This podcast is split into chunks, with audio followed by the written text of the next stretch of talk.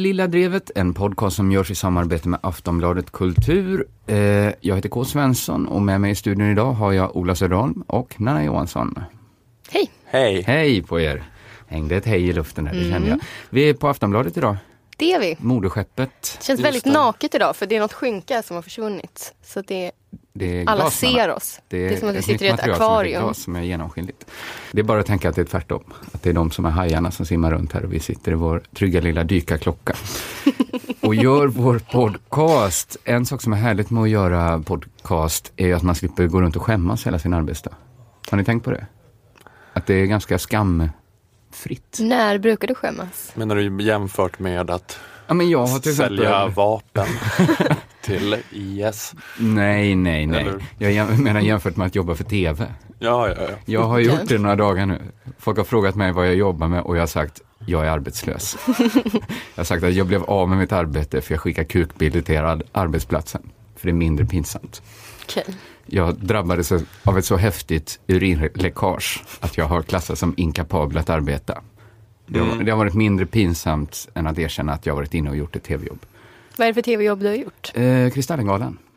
Det, är ju här, det här du säger nu eh, är ju rimligt för mig. Jag är ju med på det. Ja, det du många säger. Och, andra Nanna, tycker och Nanna, många andra tycker nog att det är det vidrigaste i-landslyxgnället de har hört i sina liv. Att hålla på Ja, men det är för att och de inte yla om sin Du, jag jobbar mediekarriär. med tv! Ja, jag skulle gärna, om det bara inte var så dålig lön att jobba i vården skulle jag supergärna gå tillbaks dit. Ja, men jag vet ju att det du säger är sant. Det är Det är, sant. fruktansvärt. Bara dröm. Fruktansvärt att jobba med sådana tv-produktioner, men det låter ju hemskt när vi säger Ja, men det, tror jag, för, för våra lyssnare. Tänk att få gå runt på ett lager Ja. och bara lyssna på en Ja. ljudbok. Bara sortera in någonting, jag vet inte vad man gör på ett lager. Köra gaffeltruck. Roligt! Ja. Men jag har då eh, haft det här fruktansvärda urinläckaget så jag har varit eh, indisponibel för något sorts arbete. Eh, känner ni till, ni känner till Kristallengalan? Jag har aldrig tittat på det. Nej, man utser årets bästa tv-program. Precis, och årets bästa tv-kändis och sådär. Det är härligt. Till exempel 2004 var i kvinn, årets kvinnliga programledare, då var Karina Berg och Kristin Meltzer, Gry Forssell, Malin Gramer och Jill Johnson nominerade. 2015 var det Karina Berg och Kristin Meltzer, Gry Forssell, Malin Gramer och så Sanna Nielsen fick vara med istället. Man har med en sångerska. Ja, så det var exakt samma fast man bytte Jill mot Sanna. Exakt. Det är ju lite så här att svensk tv får leka riktig tv i några, en kväll. Får man låtsas som att det görs, man får låtsas som att det är lite spännande så här att i år tror jag att det är Grys år. Gud vad bra, vilket starkt år Gry har haft i år. Det, nu snuvar hon säkert mält sig på titeln. Det är så jävla märklig icke-händelse alltså. Det är ja, Alltså kan, kan ens Gry bry sig? Alltså, vet inte. jag tycker det är så ofattbart ointressant. Ja men, Alltså så, ja, men och då är ju ändå, du och jag har ju ändå jobbat ganska mycket för tv och vi tycker det är ointressant. ja. Alltså tänk dig att inte ha jobbat för tv. tänk dig att inte vara Gry. Då måste det vara helt ointressant. Men du menar att vi kanske ändå har den relationen till de här människorna du räknar upp att vi har stått nära dem vid kaffeautomaten på Jarowski någon gång. Så vi kan ha lite feeling för det här med Gry och Malin Gram. Vi kan Vad ändå ha en åsikt om det är Grys år i år. Eh, jag, bara, jag fick en sån liksom skön känsla av att komma in här. Kan vi lova varandra, om det kommer något geni från ett produktionsbolag och säger vi vill göra tv av Lilla Drevet, att vi, vi behöver inte liksom kanske slå den människan fysiskt, men vi, vi visar var utgången finns. Att vi aldrig någonsin gör tv av det här programmet. Ja men, ja, men jag tror nog också att det är en väg till olycka. Ja, jag tror det. Ja, Det är svårt att låta bli när de frågar ändå. ja konstigt nog. ja, ja, det här är i alla fall Lilla Drevet, nu kör vi igång.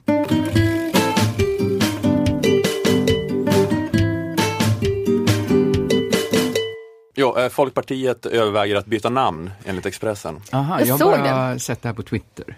Mm. Ehm, Det var som upplagt för eh, så här, att vem som helst kunde bli komiker. Ja. Mm, vem som helst blev namn komiker. till Skolkpartiet eller? Mm. För att råda bot på, ja, ja. ja, exakt. Ja, men och så vidare. Det var upplagt för Twitter-skämtandet. Mm. Ja, eh, men det är en del av en eh, krisplan Mm. att de ska byta namn. Det är lite som när vårdföretaget Carema bytte namn till Vardaga. Ja, just det. Så, fast Folkpartiet har inte vanvårdat gamlingar utan de har vanvårdat Alexander Bard och andra då som känner att de inte har fått den här utlovade liberalismen. Just det. Mm. Varför driver ni inte legalisering av sexköp och heroin som ni gjorde förr på Bengt Westerbergs tid? Jag vet inte vad det är de tänker om Folkpartiet. Nej, Eller de, de, de, de går med i Folkpartiet i några månader, sen blir de superbesvikna. När det visar sig att det inte var cyberpunkliberaler. Ja, men är det så i alla partier? Går folk med i Vänsterpartiet sen blir de ledsna så här, nej vi skulle inte alls åka ner till Alexanderplatz och börja bygga upp Berlinmuren igen. Vad är det här för? Ja, jo men lite så är det kanske i alla partier i och för sig. Eh, Ja. Att man blir besviken på Men på tror- idealism. Men det kan vara för att det inte finns något liberalt parti. Att det kan liksom Mm. eh, vara extra irriterande att några kallar sig. Piratpartiet. Jo, jo, precis. Ja, det är en krisplan då för att eh, det går inte så bra för Folkpartiet. Det är svårt för Folkpartiet, tänker jag, att, att sätta väljarnas hjärtan i brand. För att Ja, de, visst, jag tyckte de var nära i somras när de hade den här uh, sommarlooken på Jan Björklund. Det klappade mitt hjärta. Ja, Men nu blir det väl höstskägget? nu blev det höstskägget. Sen vinterskägget. Men han borde ju ta en sån jättemysig höstbild där han står invirad i en sån riktigt god halsduk med sitt mysiga skägg. En stor sälskinnskappa mot ett tror jag han ska ha. Mm. som, som går i samma ton som skägget. Så att det bara är två pliriga ögon som sticker fram. Gud, vad mysigt. men Var det det också någon sån Ernst? Kirchsteiger-image som Ja, Jan Björklund ska och han passade bygga. jättebra i det.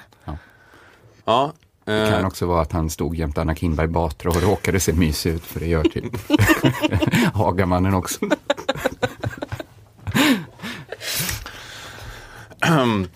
Eh, ja, lite, lite, lite, lite pirr i magen av Jans skägg då. Men Mm. annars har de rätt svårt att sätta väljarnas hjärtan i brand. Jag tänker att Folkpartiet är väl de som är mest så här, kliniskt befriade från de här sätta hjärtan i brand eh, rörelserna. Alltså typ nationalism eller så här klasskonfliktsretorik. Eller, eller bara någon så retorik om ett vi. Vad ska vi i det här landet ha för ett gemensamt projekt? Utan de tänker liksom att man kan så här, kittla nerverna hos väljarna bara man får dem att tänka på den liberala västerländska demokratin i allmänhet. Just det. Att det ska räcka som ett vi, som ett projekt för att skapa ett momentum, en lavin. Luften ska eka av tramp när folket reser sig som en man och med en röst skriker att det är nog ändå rätt sunt med, med NATO och euro. Men jag tänker det är en så ovanlig feber att drabbas av, folkpartism. Alltså alla andra partier i riksdagen, det är inte som att de kokar av feber heller, men jag tror ändå att alla, alla andra har ändå närmare tillgång till någon slags febersjukdom Eh, som folk kan håller med. insjukna i. Man kan ju insjukna i nationalism, konservatism, Mm. också i större utsträckning, socialism, socialdemokrati eh, och kanske också så här miljö, så här ekosocialism. Absolut. Och kanske också det här med sån där ultraliberalism som vi pratade om. Mm. Eh, men det är en ovanlig feber, folkpartism. Att jag är sjuk. jag har insjuknat i folkpartism och det enda botemedlet är ett transatlantiskt frihandelsavtal som urholkar nationell miljölagstiftning. Jag har svårartad folkpartism. Det är ett sent stadium. Enda medicinen som funkar är ett EU-fördrag som långsamt förflyttar makten från riksdagen till Bryssel. Det har hänt något med dig, Ola det, det, det är väl det att du drabbats av kommunism. Den, ja, det går, går ett spöke genom lilla drevet. Det heter Ola. Men vad har du drabbats av? Jag, bröllopsyra. Ja men det är inte ett eh, projekt, det här, den här folkpartismen som jag beskrev, som, som skapar myter och hjältar och en stark retorik. Alltså de har inte, så här, det har inte tryckts upp några Che Guevara t-shirts med olika luxemburgska och flamländska EU-gubbar. Nej, Alltså även om folkpartister själva kanske tycker att EU är ett fantastiskt fredsbevarande projekt. De har som inte lyckats övertyga massorna om att Herman van Rompuy är en lika ikonisk symbol för fred som Nelson Mandela. nej. Um, så, men, det, jo, men just det är väl folkpartismen i ett nötskal. Den mest allvarliga formen av folkpartism som man kan smittas av. Det, det är att man började gråta när EU tilldelades Nobels fredspris. Man lider av så svår folkpartism att man på fullt allvar tror att det är tack vare valutaunionen som Frankrike och Tyskland inte är i krig med varandra. Um, sista stadiet av folkpartism. Men eh, jo, nåväl, det, det är ju då att eh, folkpartismen existerar ju då men det är inte så många som går igång på den. Där, så att de, de har ju svårt att, att växa liksom. Mm. Eh, men, då, men då testar de i alla fall då det här med att byta namn. Men är det, det är helt säkert att de ska göra, eller diskutera det i alla fall?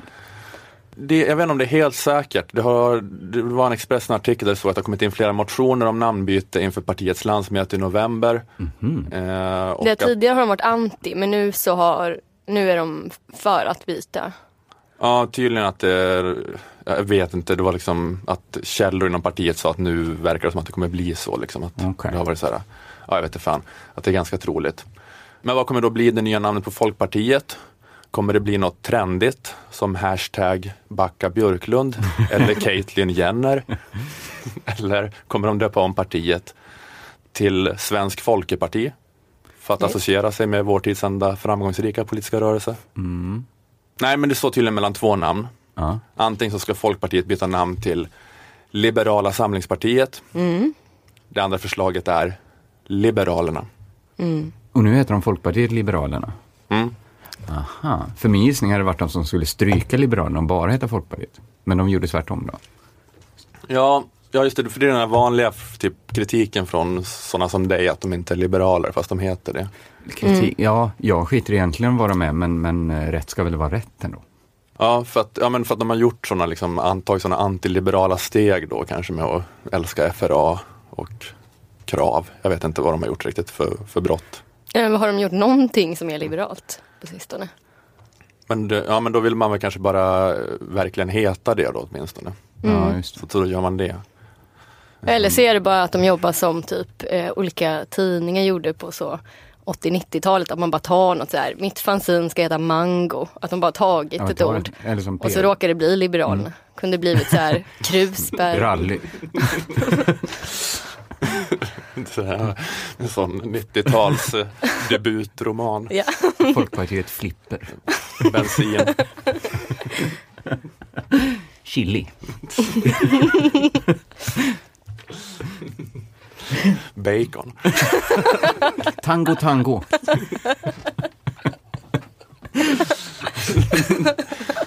Precis. Är det ett politiskt parti? Är det att Peter Sipen sitter i ZTV? Men är det också som liksom kanske Demokratiska folkrepubliken Kina, att man kan liksom bara ta sig Alltså det, det är ju alltid en liten så här varningsklocka när någon kallar sig någonting Mm, mm, eh, som det är så tydligt att de inte är. just det. Eh, att man kan liksom bara, det spelar inte så stor roll vad man heter. Nej, nej, nej, nej, precis. Det där kan ju vara en eh, sån eh, att man blir misstänksam. Att ju, ju, ju mindre liberala de blir, desto mer ska de skrika att de är liberalerna. Mm. Ja, men ja, vad var det jag sa? Liberala samlingspartiet och det andra förslaget är Liberalerna. Jag vet inte vad jag ska säga om det. Vad är ett samlingsparti? Ett parti. Jag menar, är det ett parti som samlar liberaler då? Mm. För det låter ju som ett parti. Ett liberalt parti. Ja, av de där två, om de nu ska heta någonting eh, med liberal så tycker jag att de bara ska heta Liberalerna. Mm, absolut, jag bryr mig inte. jag tycker att de ska heta Liberalerna och jag vill att Gry Forssell ska få den här så. så känner jag ju för det. Om det skulle visa sig så här att de fördubblar sin eh, väljarandel av det här, Mm. då skulle jag liksom ha viss misstänksamhet mot de nya väljarna. Ja. Vad är det för väljare som liksom bara, Folkpartiet aldrig i livet. Tango tango, vad är det här för spännande? Ja, ja, jag vet inte riktigt vad jag ska säga om det här, de här namnförslagen. Jag har, jag har inget att säga om det. Men, men syftet med namnbytet är i alla fall då att skicka signalen att partiet förnyas.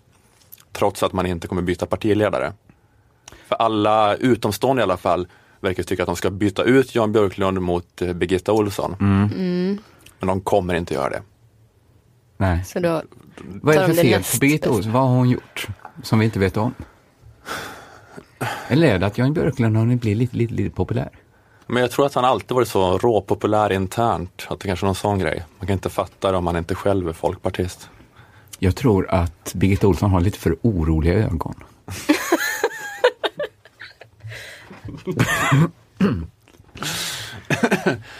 Ja, eh, Hon ser alltid ut att ha mottagit ett fruktansvärt besked. Nej. Gör du din Birgitta Olsson nu? Dålig radio. Jag var mm, Ja men, ja, men, så- men hon, hon, kanske, hon, kanske, hon kan ju vara helt dum i huvudet. Ja, Det är det man inte riktigt vet för de har blivit partiledare. alltså det är bara någon känsla Sen man har man. för någon. det kan ju mycket väl vara så. Hon är helt väck. Mm. Men ja, alltså som det nu har det då eh, räckt med att hon, ja, att hon är lite, ser lite ung och tuff ut. Jag kommer ihåg att jag såg henne typ så här 2003 på en, så här, typ en paneldebatt om Irakkriget. Hon var super för USAs invasion av Irak. Men hon har typ Converse på sig så det är lugnt. ja, ja. Ehm, jo, men det jag skulle säga var att eh, jag förstår faktiskt att de inte byter partiledare. För det är ingen idé för något parti att byta partiledare. För det är helt eh, eh, omöjligt att det liksom ska kunna bli en härlig stämning kring en ny partiledare. Alltså det kan omöjligen Ja, bli pepp kring en ny det. partiledare såvida det inte är en ny partiledare för SD. Då, eller då blir det en pepp i den rörelsen. Men om det är en ny partiledare för ett annat parti så är det ju en som kommer gå bakåt. Ja, det är nästan som eh, motsatsen, för jag kommer ihåg när jag fortfarande brydde mig om fotboll och sånt, att när de bytte tränare så gick det alltid lite bättre några matcher. Mm. Det är Men motsatsen. vadå inom- gick det ner med Ebba Busch Thor? Det var väl ändå Men hon är ju ett geni. Ja, men det är det jag menar. Nej, men fast hon, hon, de har backat. Jag kollade Har här de innan. De hade 3,3 procent i senaste undersökningen i KD. Så de har gått ner under sommaren. Ja. Nej men ja, alltså det kan ju vara små variationer inom den andra gruppen. Men den stora trenden är ju att alla backar. Mm. Eh, förutom SD. Alltså det är det som har hänt nu med dokusåpan svensk politik. Att förr minns man att det var så att det liksom böljade fram och tillbaka. Att nu är det liksom sosseledarna som har lite styrka och lyster och pondus kring sig. Eh, för nu går det framåt i opinionen. Och man tycker att eh, borgarledaren är svag och dum. Men så blir det tvärtom, så att det går fram och tillbaka. Men nu är, liksom, nu är båda de så extremt kodade som förlorare. Alltså det går inte att säga liksom, vem av politikerna, Stefan Löfven och Anna Kinberg Batra, alltså vem av dem får dig mest att tappa livslusten? Sån- ja, men sådana jävla superlosers. Och det är ju inte deras fel. Nej. Eller, eller jag menar, för, ja, men för den här härliga auran kan ju bara komma av en medvind i opinionen. Men de, de har ju aldrig det och de kommer aldrig ha det. Alltså det är bara rubriker om att backa hela tiden. Man vill inte vara där de är. Nej. Och samma med de så här mindre partierna, förr kunde det vara någon så här Alf Svensson eller Schyman eller Lars Leijonkungen effekt. Någon går framåt mycket, var stark och vacker och sexig den här. Lennart Daléus. Det här är Lennart. Det här är min röst.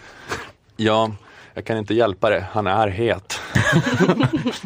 Med på Sveriges 69 hetaste. Ja, satt och fläktade sig själv framför Aktuellt. Så bara, oh, oh. Lennart. Blir fuktskador här hemma. Nu i senaste valet försökte man ju göra Annie Lööf till den här personen. Alltså att hon var det valets lejonkung. Och hon, det hon lyckades med var att bevara status quo. Centern gick inte bakåt jämfört med förra valet. Nej, men det kanske var man kan be om. skillat.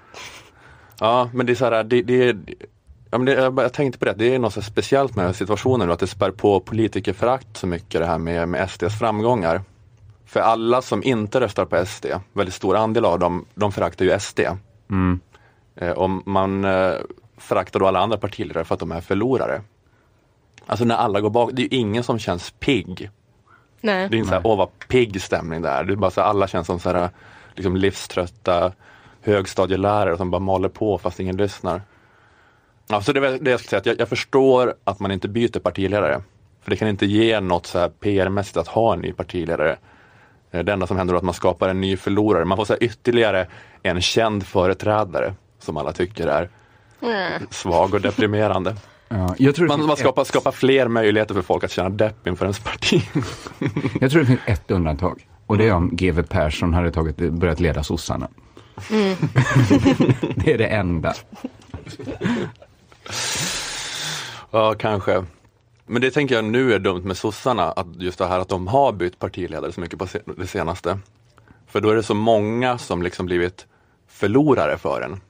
Mm. Alltså det är så många man kan se och bara, så bara åh, Mona Sahlin, åh, Håkan Juholt, skjut mig, Stefan Löfven. Så då är, det ändå, då är det bättre att bara ha en, ja, en sån deppig gubbe för alltid. Vi kommer ändå komma ihåg Jan Björklund ifall Birgitta Olsson kommer och Eh, och Men precis, Folkpartiet kanske inte vill förstöra henne på det sättet, att skicka fram henne på den posten och göra henne till en Björklund. Mm. Nu kan hon ju ändå vara någon sån tuff sekundant. Liksom. Men så kanske hon gör mera nytta som ett att det som kan, ett finnas, löfte. kan finnas ett löfte. Man lockar med henne. Med om ni lägger rösten här så kanske, kanske. Ja, men det är så jävla hopplöst läge på något vis. För även om det är så att eh, en ny partiledare skulle anpassa sig, anpassa sig efter SD att partiet skulle börja driva den politiken så kommer de, det kommer inte gå bra i opinionen. Det säger väl allting, att då går folk på originalet ännu mer. Jo, jo. Så jag vet inte vad. Ja, de måste börja med, ja, de måste börja med något helt annat antagligen. Men jag tror folk ingen vet vad. Så att du är ganska gott och dåligt sällskap i och för sig. alltså, det är du och alla människor. Uh, jag vet inte, jag, jag lyssnade faktiskt på den här, eh, den här Marcus och Malcolm-podden. Det har jag sagt till dig kring de här kommunisterna mm, som jag mm. har blivit besatt av. jag, kan, jag rekommenderar den podden. Men de, prat, de hade avsnitt om nationalism nu. Mm. Att uh, man måste liksom kapa deras monopol på nationalism. Det är kanske är det som behövs, liksom, att vänstern måste börja med nationalism. Alltså mer stalinistisk inriktning. Nej men, eh, jag menar, jag menar, det finns ju ändå bara något i det där att eh, eller att man måste ha något projekt, så här, liksom, så här, vad vi som bor i det här landet, att vi ändå är ett vi liksom och vi ska göra någonting tillsammans. Eller, för, ja, men som med folkhemmet, bara den gamla sossegrejen, det var ju rånationalistiskt. Ja, ja. Eh, fast det var ju en liksom, progressiv nationalism, det var en nationalism som bröt till 100 procent med den så gamla konservativa nationalismen om att Vasakungarnas ärorika krig och, så här, och kungen och, och armén. Ja. Utan det var så här, det här vårt liksom. Det var inte den götiska förbundet nationalismen. Nej. Man satt med, med vikingahjälmar och, och, och drack mjöd. Ja precis, fundera på hur man skulle få tillbaka Finland. Utan det var mera... Hatade Gustav IV. Jävla klantskalle. Kapitulationen i Sveaborg, vi glömmer det aldrig.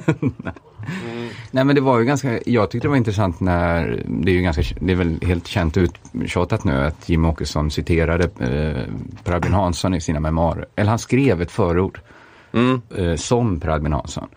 Men saken är ju den att skulle Sverigedemokraterna driva Per Albin Hanssons nationalism så skulle de ju liksom förlora alla sina röster för ingen vill ha en så liksom rasistisk eh, nationalism. Man vill inte hålla på och börja sterilisera folk och så. Det skulle ju vara, då, ha, Hanssons idé skulle ju vara att sterilisera alla romer som sitter och tigger på gatorna. Mm. Det är inte det. Eh, det är ju lite, det är skillnad än att Sverigedemokraterna ber turister om ursäkt. Ja. Det är ju grisigt idag. Och ha så J-stämplat i judarnas pass och så. Exakt, så att egentligen var det ju Ja men jag menar, men den var ju ändå, det var ju någon ny nationalism som var mer antirasistisk jämfört med den förra när den kom ändå. Om man tänker på hur, alltså den gammelkonservativa svenska nationalismen. Mm. Eller, men, men det var, men annorlunda det, i alla fall. Men annorlunda, men det var ju men det var ändå väldigt nationalistiskt. Det var ju ändå så här att det är ändå vi är svenskar och vi liksom ska bygga det landet tillsammans. Ja. Och det ska inte vara då det här gamla ståndssamhället utan vi ska liksom inte ha några kelgrisar eller morsgrisar eller vad fan han sa. Ja, just det. Eh, men, eh, Ja, men, ja, för, precis, alltså, grejen då när den nationalismen kom, det var ju att det var en sån nationalism som inte var, handlade om fornstora dagar, utan det handlade om en gemensam framtid. Exakt. Eh, och det är väl en sån nationalism, för att nu är den här folkens nationalismen, nu är den fornstora dag-nationalismen och det är det SD omfamnar. Mm. Men vänstern måste ju komma då och ta en nationalism som mer ska handla om en gemensam idé och en gemensam framtid. Att det ska vara det här nya Sverige, John Guidetti Sverige. Alltså det hade ju varit det bästa. Mm. Ett John Guidetti Sverige. Alltså det ståndet jag fick när han kysste flaggan på bröstet efter satt straffen. Jag har inte lagt sig ännu. Jag går upp varje morgon och boxar lite på det men det, det lägger sig inte. Nej. Nej men det är ju den liksom, den så här ur libido-känslan som du och jag kände då där på Almedalen där vi såg det där. Det är liksom den känslan man ändå måste bygga på och man mm. måste liksom eh, finna liksom ett eh, politiskt innehåll som man liksom lyfter fram med hjälp av den känslan. Berättelsen om det nya Sverige. Så jag, jag, jag, tänker det att vänstern måste liksom börja med någon sån nationalism. Jag kan säga, nu kommer vi ut som nationalister här. Eh, inte alla. Nanna också. ja. men jag tyckte ändå att det var Millions of people have lost weight with personalized plans from Noom. Like Evan, who can't stand salads and still lost 50 pounds. Salads generally for most people are the easy button, right? For me, that wasn't an option. I never really was a salad guy. That's just not who I am. But Noom worked for me. Get your personalized plan today at Noom.com. Real Noom user compensated to provide their story. In four weeks, the typical Noom user can expect to lose one to two pounds per week. Individual results may vary. Jag tyckte ändå att det var intressant med eh, det, att det kanske det är något så här, någon återvändsgränd i att hålla på och prata om nationalism som bara som att det är lepra. Mm. Att det är det man gör i förhållande till SD. Att, vi, att man så lämnar över hela den spelplanen till dem. Man kanske ändå för, för att liksom bygga upp ett folk, för liksom att bygga upp ett, bygga upp ett demos, mm. så kanske man ändå måste liksom jobba med att vi är Sverige, vad ska vi göra med det här? Vi är Sverige och vissa är inte Sverige. Nej. Vi som bor här är Sverige och vi mm. måste liksom ha ett gemensamt projekt. För annars, ja. annars, ja, men annars är det bara det där EU liksom.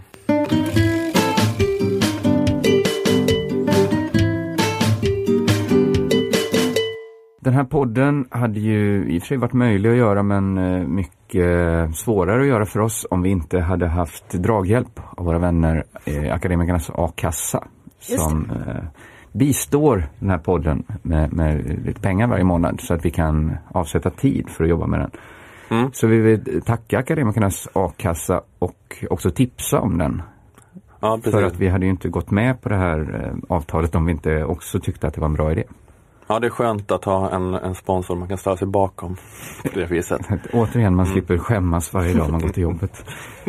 Eh, och det är höjt nu, snart höjt till, till, från 15 000 till 20 000 kronor i månaden som man kan få ut. Ja, precis. Nya budgeten börjar väl gälla ungefär nu och då är det taket rejält höjt. Så, Härligt. Ja. Men priset är detsamma, 90 kronor i månaden. Eh, läs mer om det på aea.se. Så heter det, aea.se. Eh, tack så hemskt mycket.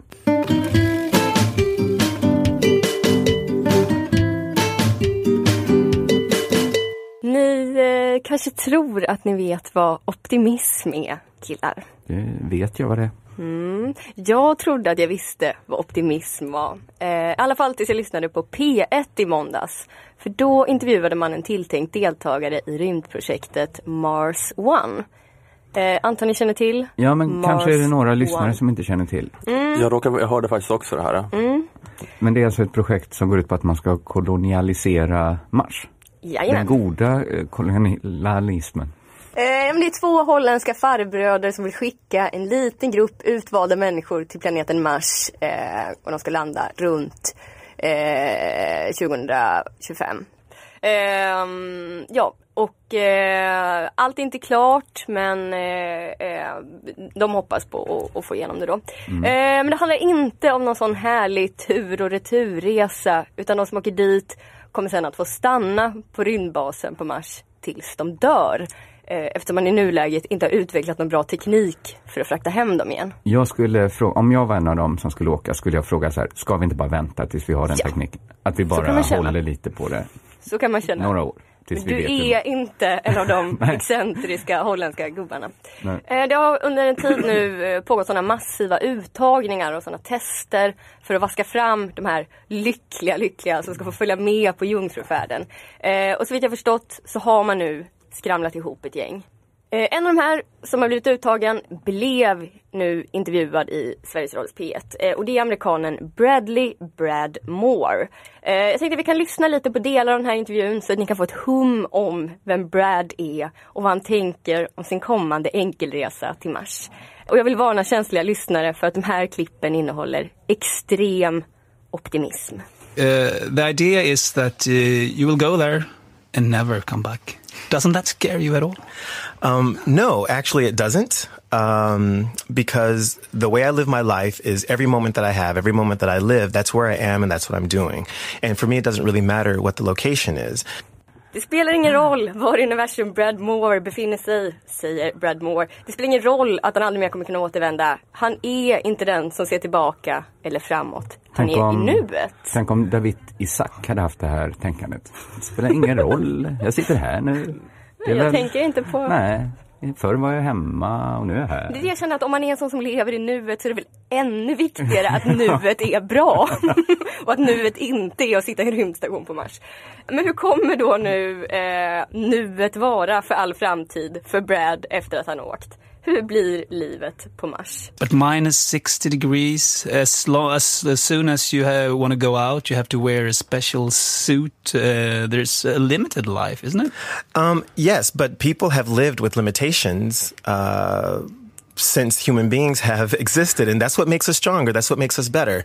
And there are places on Earth right now that experiences temperatures like that. And we, if we were there, we would have to wear the same type of thing. So for me, there's no really, there's no real big difference.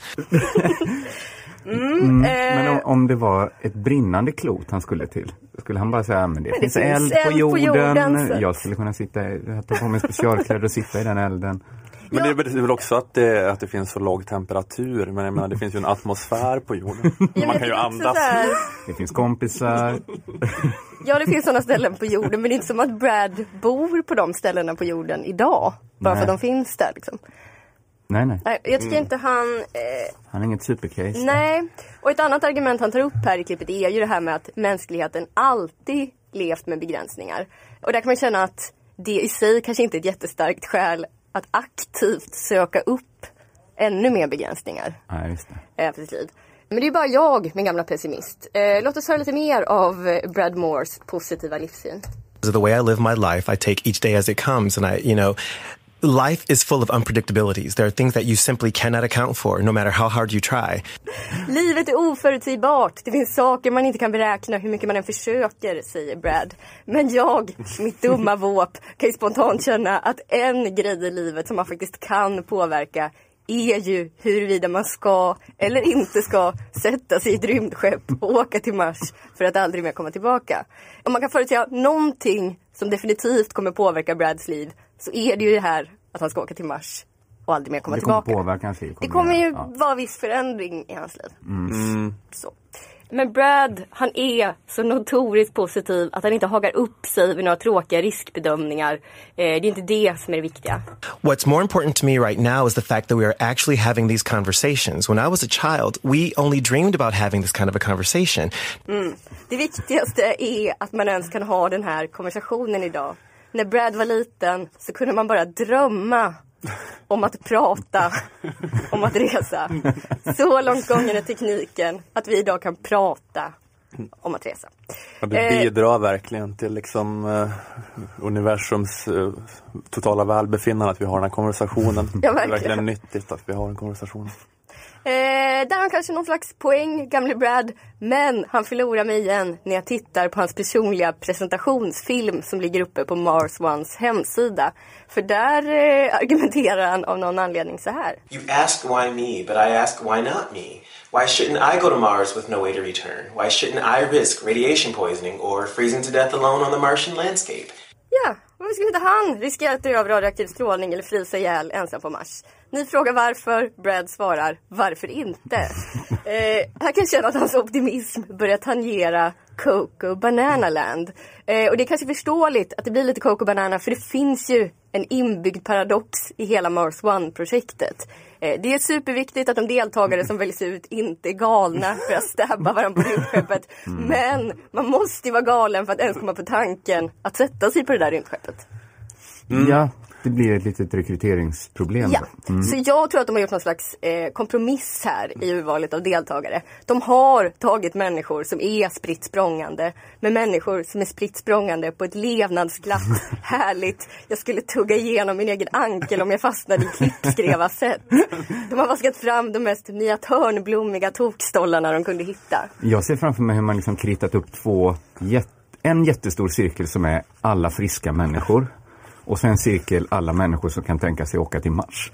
Och så är det en så här jätte, jättetunn liten skärva där de skär in i varandra. Just det. Mm. Eller att den kanske liksom inte är synlig för mänskliga ögat ens, där de skär varandra. Men det enda jag kan känna här, eller som jag verkligen hoppas, det är att alla som har valts ut är så här världsfrånvänt optimistiska som Brad.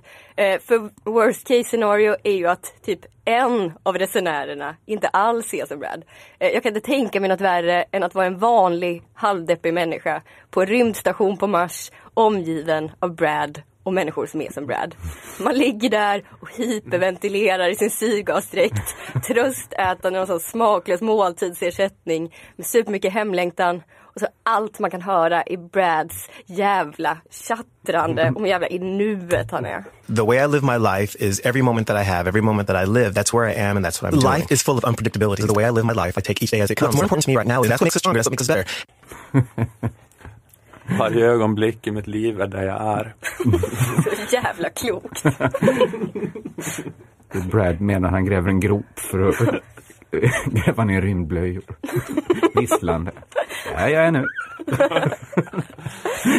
Men ja, det är väl också någon sån grej att, att de, är, de här alltså, gubbarna som driver projektet, det är inte heller några som kan något eller har någon, alltså det kommer inte gå det här förmodligen. Nej. Det är väl det som kommer vara räddningen för Brad och alla. Jag tycker inte mer det, men det är ju någon sån expert på KTH som bara säger, men det där är bara drömmar. Mm.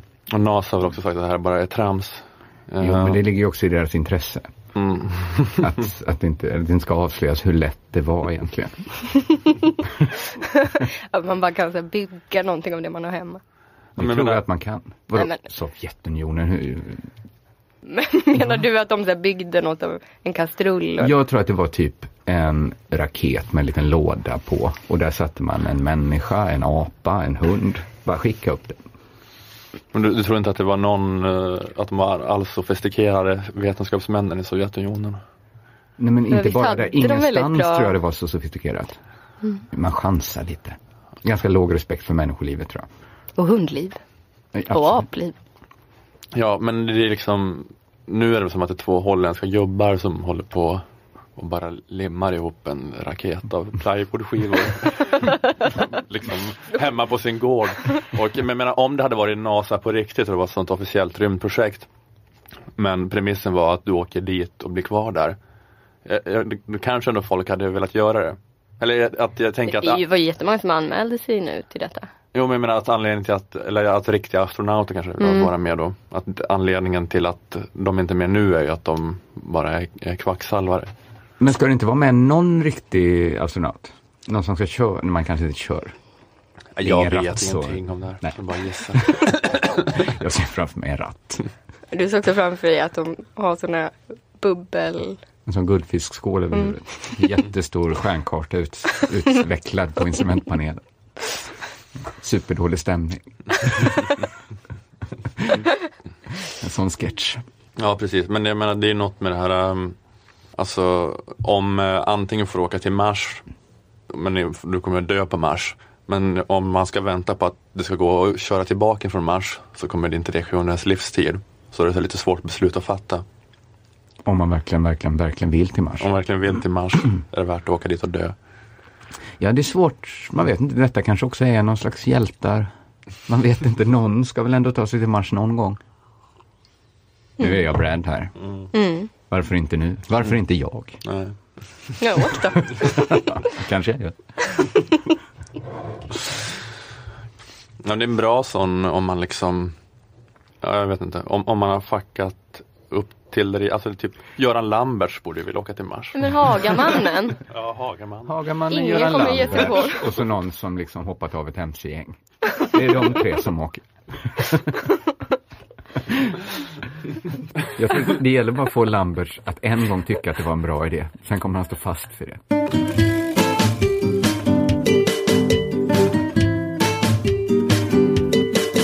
Jag var inne och läste det centerpartistiska kommunalrådet Stefan Hannas blogg. Känner mm. ni till Stefan Hanna? Ja. Ja, han är en sån eh, kommunpolitiker som levererar. Exakt. Att det är han och Lennart Holmlund i Umeå som... De är väl våra stora svenska kommunalpolitiker. men det var, ja men att han bloggar väl, precis som Lennart Holmlund i Umeå så bloggar han eh, väldigt liksom Man kan fritt. liksom se till partiledningens stora fas. bloggar. Ja, men han har... Att man ska ha hygienadräkter på bidragsfuskare. Just det. det att man ska införa skatt på tjock tjocka människor ska betala mer skatt. Exakt. Eh, han använder det lite som någon slags, eh, vad ska man säga, tankesmedja kallar han själv sin blogg. Okej. Det är bara han då Bruk, som ja, för det smider. brukar vara många. Men det är lite oprocessade Smeder. tankar, så kolla lite, känner av. Lite hur, hur ligger landet? Är det, Han kanske är det testar olika genomdräkt roller. Nej, det var det inte. Han kanske har en, provokatören, en, den sansade. Eh, nej men hans blogg, det, det liksom, den, den liksom sätter igång vissa mediala eh, vågor ibland. Och det Mm. har den gjort nu också. Man är kanske, Det är en sån blogg som folk har som startsida då. Att det eh, ja man har startsidan socialanyheter.se. Så, så har man Han är duktig på att hamna där lite eh, kraftfulla uttalanden. Eh, men nu läste jag den, eh, inte i några spekulativa syften, utan för att det är kräfttider. Yes. Och då kommer ska han man- med bra Då tips. ska man vara inne på Stefan Hannas eh, blogg. Har han ett så här årligt kräfttest? Ja, han, är, ja, men han är nog mer som en samtida Albert Engström. Liksom. Man kan måla upp härliga fresker om hur, hur gott det är med kräftor. Mm. Jag kan läsa lite från hans blogg då om St- Stefan Hannas eh, kräftkalas. Ah, spännande. Igår bjöds på den årliga familjekräftskivan. Fyra generationer hade som vanligt väldigt trevligt tillsammans. Igår var också en magiskt vacker dag och kväll. En kväll där man långt in på kvällen utan besvär kunde klä sig i t-shirt. Det är en härlig fresk. Det är så det. Det är ju liksom, det är ju den nationalismen Mm. man liksom kan älska. Ja.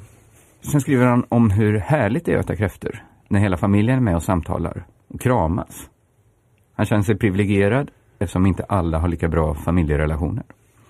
Igår var lite speciellt då familjen och kräftskivan utökats med ett fosterbarn från just en trasig familj. Det värmde hjärtat att se hur glad hen var och hur hen uppskattade vår kramande familj. Självklart, vår kramande familj, självklart öppnade upp och inkluderade hen i kramandet. Ja, det är väl härligt. Att Ja. det kommer fosterbarn och får med och kramas. Men att han ens behöver skriva att, Det- att barnet var inkluderat eller vad? Men det är kramande som någon slags aktivitet. Det- Och så Kräftor och kramar. Ja, men det, ja, det är inte som att man, ja, man kramar varandra när man ses utan Nej, nej. det är eh, Det är en kräfta, en halv snaps och en jättekram. en kram till varje klo, som Anna brukar säga. Förrätt, kram, varmrätt, kram. Fosterbarnet bara, är det så här det är att vara en vanlig familj? här har jag gått ut med Paradis-Oscar och inte fått några kram. Jag tycker kräftor är goda, skriver Stefan Hanna. Särskilt havskräftor. Havskräftorna äts i andra sammanhang. På kräftskivor brukar det bli jumbokräftor för mig. Liten utvikning. Stefan Anna gillar mest ha- hav- havskräftor, men det kan man såklart inte äta på ett kräftkalas. Så jumbo-kräftor fick det bli. Just. Sen kommer en utvikning till, eller kanske en övergång då. Det här är kräftor, alltså jumbokräftorna då, som innan 30, inom 36 timmar har lämnat det mänskliga systemet. Så är det inte med andra kräftor. Havskräftor tänker ni? Nej, Nej. tänkte cancer. Alltså så här, vanliga jumbokräftor lämnar Stefan Hannas kropp på 36 timmar. Det. Längre än så får han inte behålla de goda kräftorna i sitt system. Alltid en sorg att gå på toaletten 36 timmar efter ett underbart kramigt kräftkalas. Titta ner i toalettstolen och tänka, för 36 timmar sedan var den här äckliga sörjan underbart goda jumbokräftor. Det är ändå en ganska långsam ämnesomsättning tror jag. Han, han kämpar för att behålla de här kräftorna så länge som han är möjligt. sin skala. Det tar ju tid att bryta ner. Han liksom stoppar in hela snapsglaset i munnen och tuggar. Rasslar i toaletten. Låter som att tappa ett piano i marken när han går på. Men alla kräftor lämnar inte det mänskliga systemet på 36 timmar. Stefan Hanna övergår till att tala om cancer. Du hade rätt Hanna. Vi hoppar från ett superkramigt kräftkalas med underbart jo- goda jumbokräftor till cancer. Han är som en örfil från ingenstans den här texten. Att det, Mm. Den blev så mitt i. Den är stark. Man är bara i det här sommarparadiset och sen så bara kommer det.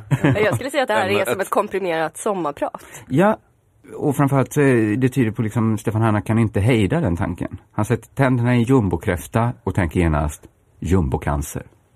Det är som den här filmen Festen. Du bara vänder på en sekund liksom. Jag har Från en- gemyt till skräck. Jag har en kräfta i varje hand. Vilken vill ni ha? I en hand har jag jumbokräfta. I andra har jag bukspottkörtelcancer.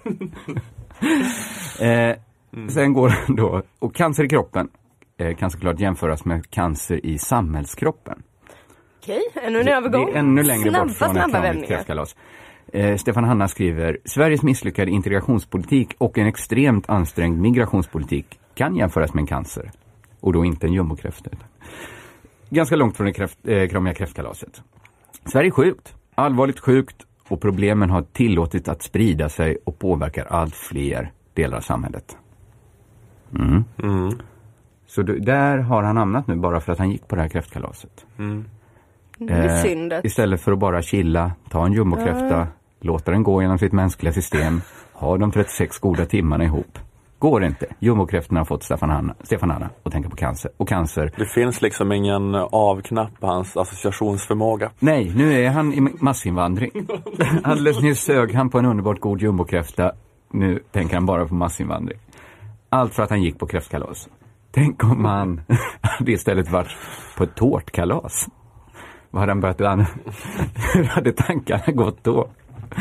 Att det var liksom eh, smörgåstårtor, gräddtårtor, tårta på tårta.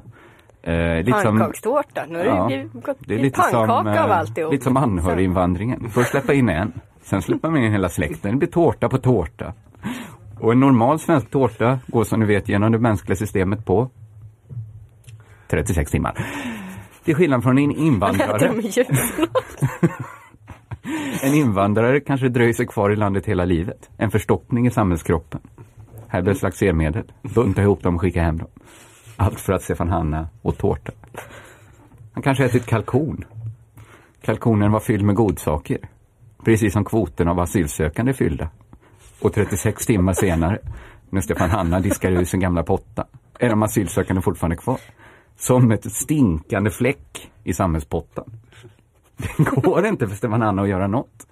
Allting har en ände, men korven den har två, tänker Stefan Hanna på grillpartyt. Om korven kan ha två ändar måste det därför för att finnas en ände på invandringen.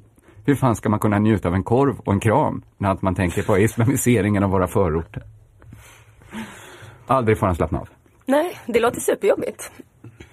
Jag har en till här, så jag tänkte strunta i. Ja, Den men här kan vi klippa den, bort. kör Den här den. klipper vi verkligen bort. Han älskar med sin fru. Mm. Som ställer sig bredvänt över honom och pissar Stefan Hanna i munnen.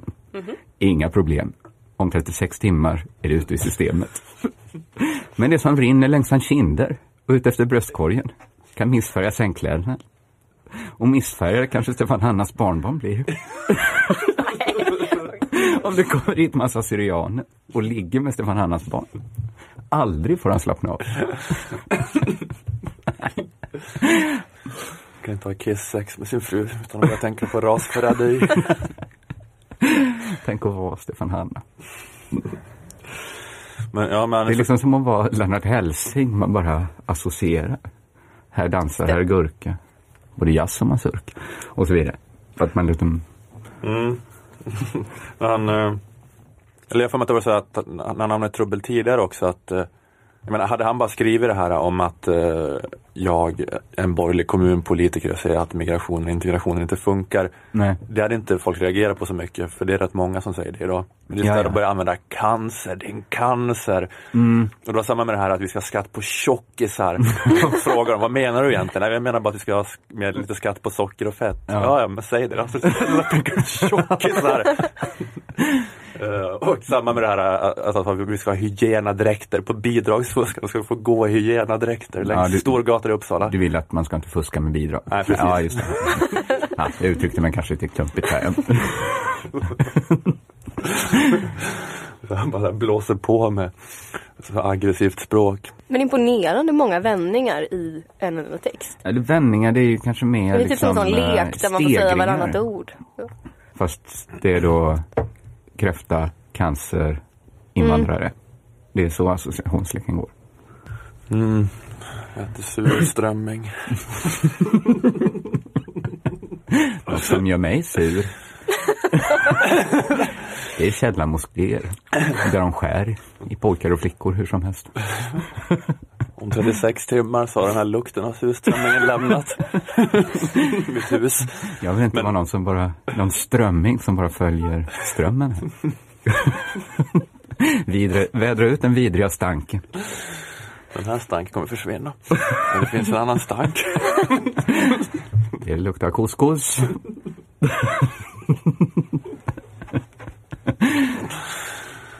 ja.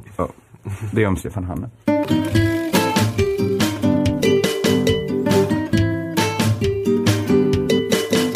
Det här var allt för veckans eh, Lilla Drevet, en podcast som görs i samarbete med Aftonbladet Kultur och med Akademikas A-kassa. Tills vi hörs nästa gång så kan ni som bor i Norrland kanske gå in på tixter.se och eh, söka på Ömhet som min och Olas turné heter. För vi kommer upp till Norrland i, vad är det, september?